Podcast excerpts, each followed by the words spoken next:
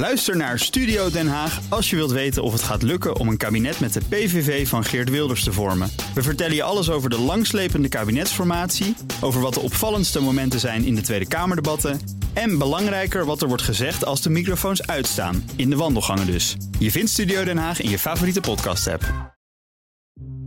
Het was ook wel te begrijpen, want die hele club mensen was al negen maanden bezig met reorganisatieplannen. En die zagen ons als een nieuwe aanwinst van het team, dus die wilden gewoon door. En het is eigenlijk net als in een verbroken liefde. Je hebt eerst de ontkenningsfase en, en daar zaten ze volop in. En dat pleit ook voor ze, want ze wilden gewoon proberen het bedrijf te redden. Ze hadden alleen nog niet goed uh, in de gaten dat het knop echt was omgezet. En dat het dus uh, een ander verhaal zou gaan worden. Niet elk ondernemersavontuur eindigt met een notering in de quote 500. Niet elk bedrijf overleeft een flinke crisis. Niet elke onderneming weet het financiële spel goed te spelen. En als alles misgaat, als de chaos regeert en schuldeisers aan de poort rammelen, dan breekt het tijdperk van de curator aan.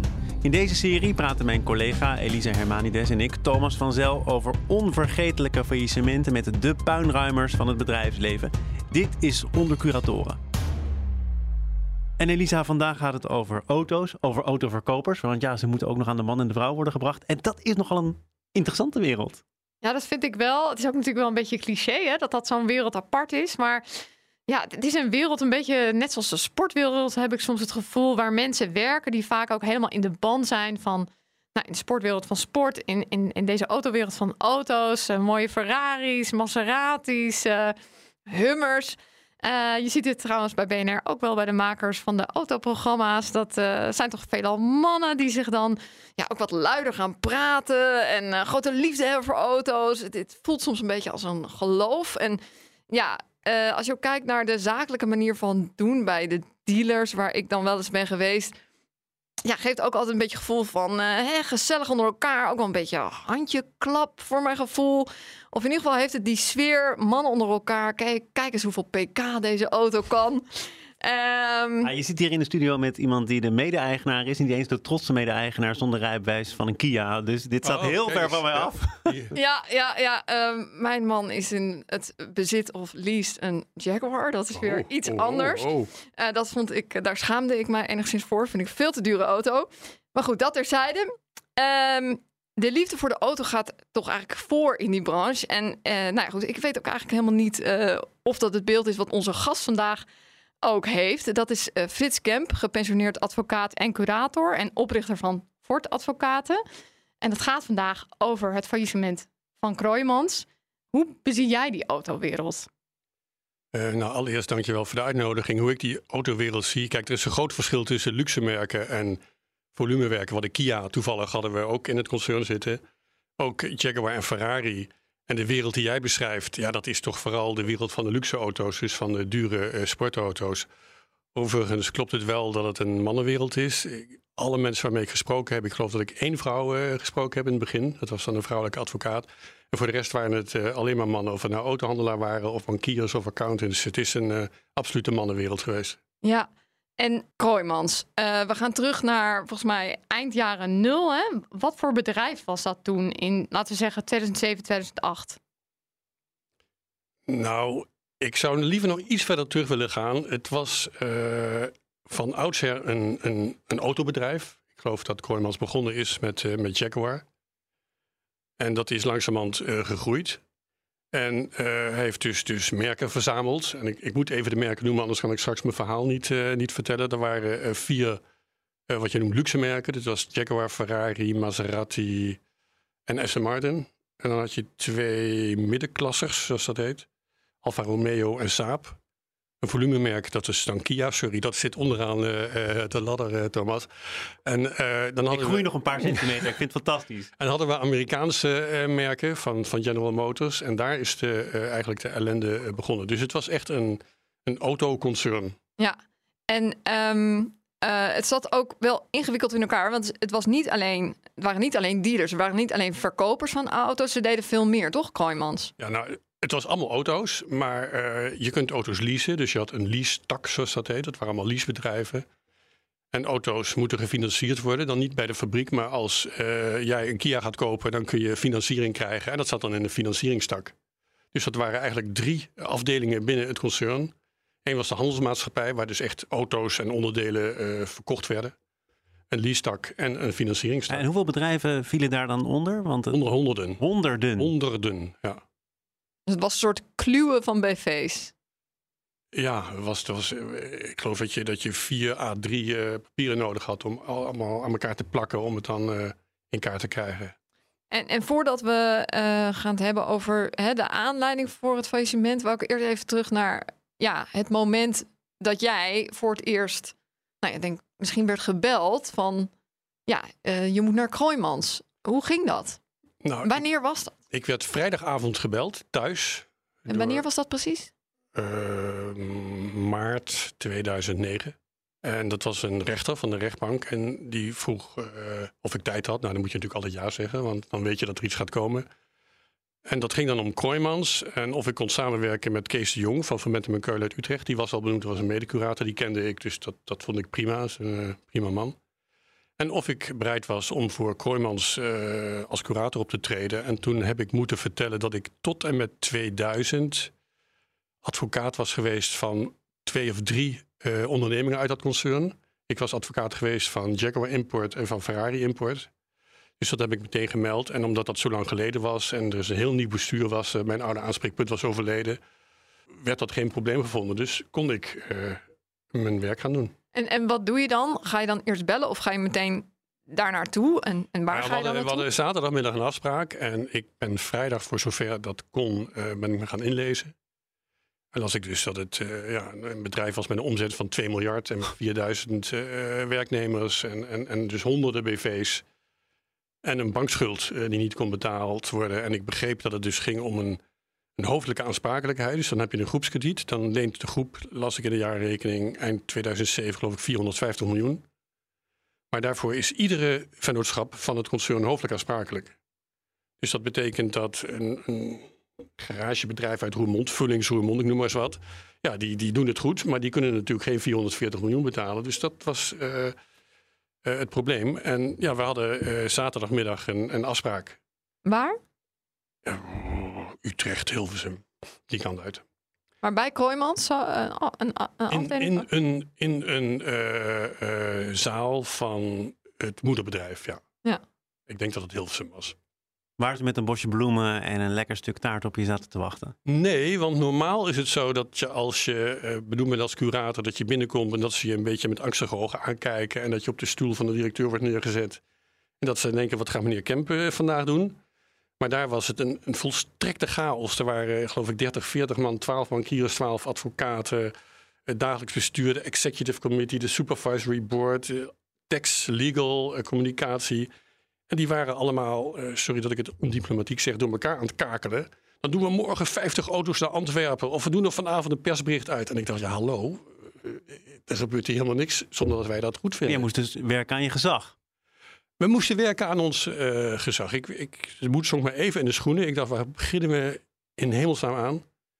Maar Kees heeft mij toen een klopje op de schouder gegeven. En toen eh, hebben we inderdaad eh, ons gezag doen gelden. En, en was het toen meteen van oké, dan laten we dat van die 50 auto's naar Antwerpen maar even zitten? Nou ja, dat, dat begrepen ze wel. Want dat, dat mag gewoon niet. Dat is ook st- strafbaar gesteld. En dan kun je persoonlijk aansprakelijk voor worden gesteld. Dus daar heeft natuurlijk niemand zin in. Maar het was ook wel te begrijpen. Want die hele club mensen was al negen maanden bezig met reorganisatieplannen. En die zagen ons als een nieuwe aanwinst van het team. Dus die wilden gewoon door. En het is eigenlijk net als in een verbroken liefde. Je hebt eerst de ontkenningsfase en, en daar zaten ze volop in. En dat pleit ook voor ze, want ze wilden gewoon proberen het bedrijf te redden. Ze hadden alleen nog niet goed eh, in de gaten dat het knop echt was omgezet. En dat het dus eh, een ander verhaal zou gaan worden. Ja, misschien kunnen we het even hebben over hoe het zover kwam. Hè? Want in 2007 werd de jaarrekening van die hele groep van Kroijmans nog goedgekeurd Ja. door de accountant. Ja. Maar in de loop van 2008 was het natuurlijk in de tijd van de kredietcrisis, ging het niet meer zo best. Waarom? Nou, dat, dat kwam met name omdat in 2003 had de Kroijmans Groep een importovereenkomst gesloten met General Motors voor heel Europa. En dat was dus eh, Chevrolet Cadillac Hummer. En eh, ze probeerden ook in Duitsland daar een dealernetwerk op te zetten. Dat is dat heel duur, want showrooms die moeten aan allerlei normen van corporate identity voldoen. Dus weet ik veel. En daar werd enorm veel in geïnvesteerd, maar die auto's werden niet verkocht. Nou is dat misschien ook moeilijk om plastic Amerikanen in het hol van de leeuw van, van Audi en Mercedes uh, te verkopen. Maar er stonden dus duizenden Amerikaanse auto's op de kade in Rotterdam al, al drie jaar, geloof ik. Is dat heette dan auto's met vierkante wielen. En, en die werden steeds minder waard. En dat heeft dus niks te maken met welke kredietcrisis dan ook? Nou, ook wel een beetje. Dus het, het was al een, een heel moeizaam avontuur. Het was echt al een, een financiële drain voor het bedrijf. Dat was al zo. Dat was in 2007 ook al zo. Maar in 2007 was het concern nog wel levensvatbaar. En de bank had ook nog niet het krediet opgezet. Toen ging dat, vanaf 2008 ging dat fout. En toen zagen ze half 2008 dat het verkeerd ging. Hebben ze een reddingsplan gemaakt. Dat bleek een maand later al niet meer haalbaar. Moest er weer een nieuw reddingsplan gemaakt worden. En ja, toen kwam die bankencrisis. Eigenlijk en uh, mensen gingen minder auto's kopen. Er was, werden in 2008 in oktober 25% minder auto's gekocht dan het jaar daarvoor, in oktober 2007. En dat waren natuurlijk vooral die dure Amerikanen die veel te veel benzine verbruikten, veel bijtelling hadden, uh, fiscale bijtelling voor, voor CO2-emissies. Dus die Amerikanen werden al helemaal niet meer verkocht. Ja, dus die, die, die, die Hummers uh, en die andere auto's uit, van General Motors uit Amerika, die waren al, het was eigenlijk al een beetje een mislukt zakelijk avontuur misschien van Kroijmans. Ja. Maar nu werd dat extra pijnlijk duidelijk omdat mensen door de kredietcrisis minder auto's gingen kopen. En al helemaal die energieverslurpende. Ja, wij hoorden dat zelfs Gordon zijn roze Hummer had ingeleverd. Dus niemand wilde nog een Hummer rijden. En uh, ja, dat, dat was een vrije val. Dus dat, dat, dat merk stortte in elkaar. Maar had uh, Kroijmans misschien, en Frits Kroijmans, uh, misschien ook niet eerder moeten inzien dat dat hele avontuur met die Amerikaanse merken en dan in Duitsland opschalen, dat dat niet werkte? Ja, weet je, achteraf gezien kun je dat zeker vaststellen. Maar achteraf is het heel makkelijk. Toen hij met Jaguar begon in eind jaren 70, werd hij ook voor gek uitgemaakt. En dat werd een doorslaand succes. En nu lopen de Amerikanen voorop met uh, elektrificeren van hun auto's. Dus als hij dat volgehouden had, hij het misschien wel gered. Dus het was ja, een avontuur dat is mislukt. Maar om nou te zeggen, ja, weet je, hij heeft dat gewoon geprobeerd. En welke, welke rol hebben die banken gespeeld? Want er kwam een reconstructie tegen uit 2009, opgeschreven door de Volkskrant, waarin werd gezegd, ja, banken zijn echt wel heel ver gegaan met Kroijmans, omdat ze te lang hebben gedacht dat overkomt dat bedrijf niet. Dat is eigenlijk onverwoestbaar, net zoals die banken zichzelf onverwoestbaar achten, waardoor die schuld ook heel erg is opgelopen. Hoe verweven zaten die banken en Kroijmans met elkaar? Nou ja, kijk, het was een consortium van vier banken. En een consortium treedt al vaak minder uh, met minder slagkracht op dan wanneer het een enkele bank is. Eh, ze kregen eind midden 2008 een eerste reddingsplan en dat werd niet gehaald. En toen zijn ze na een paar maanden zelf met een reddingsplan begonnen. En is uitgerekend dat als het zo zou doorgaan, dat ze in maart 2009 ongedekt krediet zouden hebben van 80 biljoen.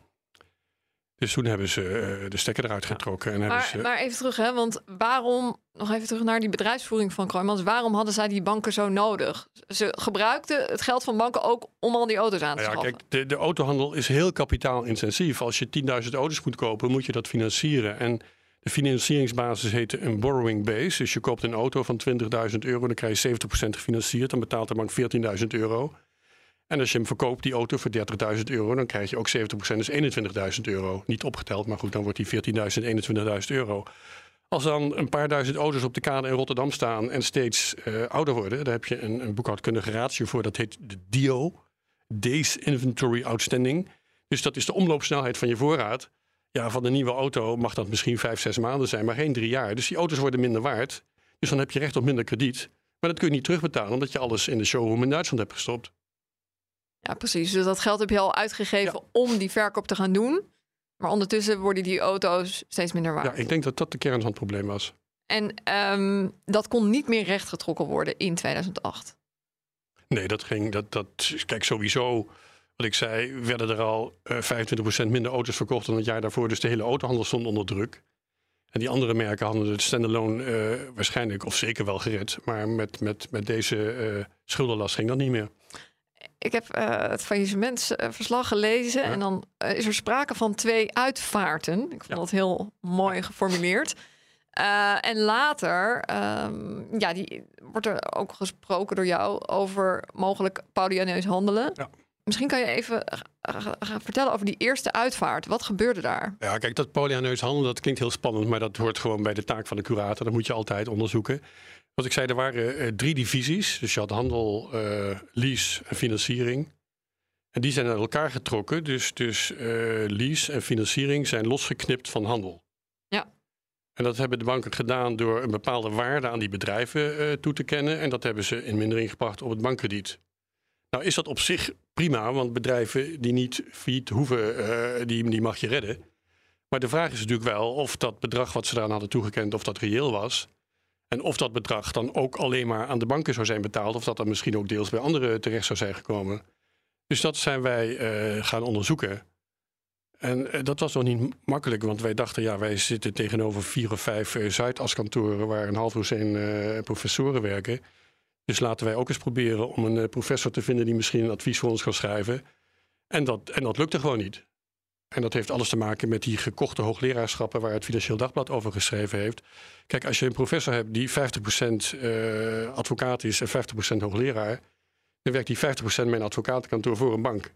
Dan gaat hij niet als hoogleraar uh, meningen opschrijven die in strijd zijn met wat hij als advocaat heeft geroepen. En daar komt ook nog eens bij dat die leerstoel die hij als hoogleraar heeft, extern gefinancierd is. Nee, precies. Dus, En- dus maar wij, die- wij maar- konden gewoon geen hoogleraar vinden. Nee, en, maar uiteindelijk, hij, Kroijmans had het verkocht aan Citadel, toch? Een tussenholding, ja. Eh, voor een heel klein bedrag. Ja. Maar- Maar mag dat dan sowieso Nou, de- eigenlijk? De, de koopprijs zat Ja. hem dus in de schuldenvermindering. Oh, oké, precies. Ja, ja, ja, ja. Dus daarom zou je zeggen dat dat dan misschien geen Neus of is de Ja, redenatie dat- van de was- banken waarschijnlijk. Dat was het betoog. En dat is op zich ook geen onzin, maar je moet het alleen goed kunnen controleren.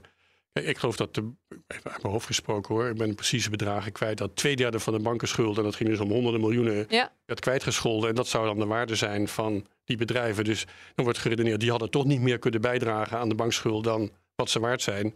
En daarom zijn jullie niet benadeeld. En jij, jullie zijn op zoek gegaan naar een advies, wat jullie tegenover eigenlijk al die Nou ja, bankenrapporten konden stellen. zelf wel een mening, maar als het bij de rechtbank terecht zou komen en eh, je procedeert tegen eh, advocaten waar ook hoogleraren bij zitten, dan zegt mijn procesinstinct dat het niet onverstandig is om zelf ook een hoogleraar. eh nou goed, op een gegeven moment zijn we gaan praten en zijn we eruit gekomen met de banken. En dan heb je de boedel. Hoe zag de boedel eruit? Wat was dat allemaal? Auto's.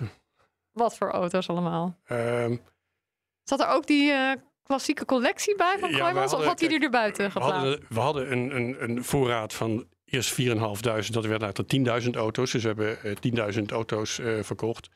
En de meest eh, spraakmakende auto was een eh, Ferrari uit de jaren 60 met een stamboom. Dat is zo'n auto met, met, met, met rondingen, zoals Italianen eh, dat zeggen. En zo'n ding, eh, ja, daar heb je dus een stamboom. Maar iedere ring en ieder boutje moet authentiek zijn. En daar staat ook in wie de eigenaar geweest zijn. Die bekende acteur Steve McQueen is ooit vijf jaar eigenaar geweest. En die auto was al gauw 20 miljoen waard. Maar dan moest hij wel helemaal origineel zijn. En het probleem was dat de motor niet origineel was. Die werd namelijk wel eens eh, mee geraced. Dus, dus een oldtimers eh, race. eh, Ja. En dan ging er een andere motor in, waar ik denk dat hij dan iets harder kon rijden of zo. Maar dat was dus niet de originele motor. En dan was hij 7 miljoen minder waard.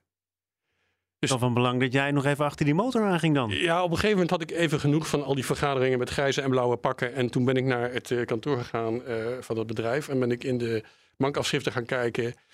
En toen heb ik de registeraccount in Nederpel die wij gebruikten laten zoeken op dat kenteken. En toen vond ik bedrijven waar ze ooit zaken mee hadden gedaan. En daar stond hij inderdaad in een, eh, in een houten kist in het stro verpakt. En toen hadden we de mooie auto weer compleet. En In wat voor circuitjes kwam je terecht? Want er is ook een, een verhaal bekend over Slowaken die op zoek waren naar hun Cadillacs. Ja, nou ja, ja, dat is op zich niet zo'n heel spannend verhaal. Maar daar, daar stond op een gegeven Ah, je moment... bent niet op de radio, kom op. Maak er wat drie, van. er stonden drie hele stoere Slowaken op een gegeven moment eh, op de stoep. En die eh, wilden hun twintig eh Chevrolets hebben. Die hadden ze al betaald. Maar die waren nog niet geleverd. Ja, dat is een bekend vraagstuk in het uh, faillissementsrecht. En die waren heel erg boos. En die wilden hun auto's hebben. Ja, dan, dan, dan probeer je dat op te lossen. Dat hebben we uiteindelijk gedaan met hulp van de ambassade, geloof ik. Dat ze weer een beetje gekalmeerd werden. Maar dat zijn wel angstige momenten. Maar wat, wat een veel akeliger moment was dat op een gegeven moment een hele bekende Nederlander met een cameraploeg eh, op de stoep stond van het kantoor. Die was nadelig in de krant gekomen en wij hadden een team dat de debiteuren incasseerde. Dus we hadden een debiteurenportefeuille en bij zo'n chic merk zaten er heel bekende namen bij. Iemand van de koninklijke familie en mensen uit de filmwereld en, en schrijvers en van de tv. En een van die, ik ga zijn naam niet noemen hoor, maar een van die mensen. eh, Ah, die, toe. nee, nee, dat ga ik echt niet doen. Ik heb nou, dat gezeur heb ik gehad, dat is opgelost, dat hou ik graag zo.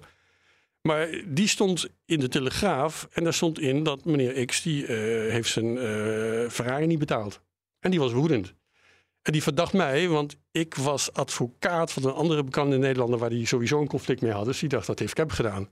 Dus die, die stond daar binnen en de klanten in de vergaderzaal die waren woedend, want die wilden natuurlijk helemaal niet gefilmd worden. En de receptie was er rep en roer. Ja goed, op een gegeven moment eh, hebben we dan met z'n tweeën uitgesproken, heb ik het uitgelegd dat ik dat misschien beter in de gaten had moeten houden. Maar ik wist niet wat, wat, wat, wat dat team allemaal aan het doen was. Ik kreeg één keer in de week een voortgangsrapportage en dat, dat was het wel. Hoeveel bleef er uiteindelijk over voor de schuldeisers? Nou ja, we hebben tientallen miljoenen uitgekeerd. En een derde van de faillissementen is zo geëindigd dat gewone crediteuren niks kregen. Maar wel eh, ja, banken, belastingdiensten, verhuur. En een derde kregen crediteuren een percentage. Dus dat lag dan tussen de 10 en de 90 procent. En in een derde kregen ze alles, inclusief rente. En was er zoveel geld dat dat dan weer naar de aandeelhouders eh, ging. En Frits Kroijmans, die staat eh, inmiddels geloof ik weer eh, in de quote 500. Daar is hij weer teruggekeerd. Ja. Die eh, is met een deel van de eh, bedrijven doorgegaan. Die hebben toch nog een doorgestart Ja, gekregen. maar natuurlijk ook met een enorme bankenschuld. En, en eh, kijk, Kroijmans is er niet op vooruit gegaan van dit faillissement. Het heeft hem persoonlijk ook heel veel geld gekost. En we hebben zijn positie goed onderzocht. Maar ja, we dachten toch van... Ja, kijk, het enige wat je ze misschien zou kunnen zeggen... is dat wij vaak hoorden dat hij weinig tegenspraak dulde. Maar dan kun je ook zeggen... dan waren de andere bestuursleden... eh, onvoldoende stoer om, om, om tegengas te geven. Zeg maar een soort Logan Roy van, van de Kooijmans eh, automobieldivisie. Hem valt weinig te verwijten, vind je? Ja, hij heeft pech gehad. Ja, overigens, hè, die hele kluwe van BV's betekende ook heel veel faillissementen. Jij bent zelf gestopt in 2018. Ja. Maar je hebt je vrije zaterdagen en zondagen nog voor een deel opgeofferd om eens te kijken naar een grote berg met faillissementen waar nog een einde aan gebracht moest worden en waar jij je jongere kantoorgenoten niet mee wilde vermoeien. Nee, nou ja, kijk, het, het, er waren geloof ik nog een stuk of tien of twaalf faillissementen die nog niet waren afgewikkeld. En als je dan aan een jonge kantoorgenoot vraagt om een faillissement af te wikkelen dat al tien jaar oud is en dat, dat, dat, waar je gewoon hele papieren dossiers voor moet doorlezen om te begrijpen wat er is gebeurd. Ik dacht, dat gaat, dat gaat niet gebeuren. Dat blijft tien jaar op de stapel liggen. Dus dat heb ik eh, in het weekend zelf gedaan. Dat was Excel-werk eigenlijk. Dus dat was eh, Een klusje. re- rekenen en puzzelen. En, en eh, dat heb ik toen. eh, Een hobby dan. eh, ja, ik vond het eigenlijk wel fijn, lekker rustig. Dank, Frits Kemp, gepensioneerd advocaat en curator. Ja, graag gedaan. Dit was Onder Curatoren. Wil je meer gesprekken horen met de puinruimers van het bedrijfsleven? Abonneer je dan via jouw eigen podcastkanaal of via de BNR-app. Luister vooral ook de vorige aflevering over HFC Haarlem. In die aflevering hoor je hoe een curator tegenover voetbalsupporters komt te staan die een dicht stadion, koste wat het kost, willen betreden. Dankjewel voor het luisteren.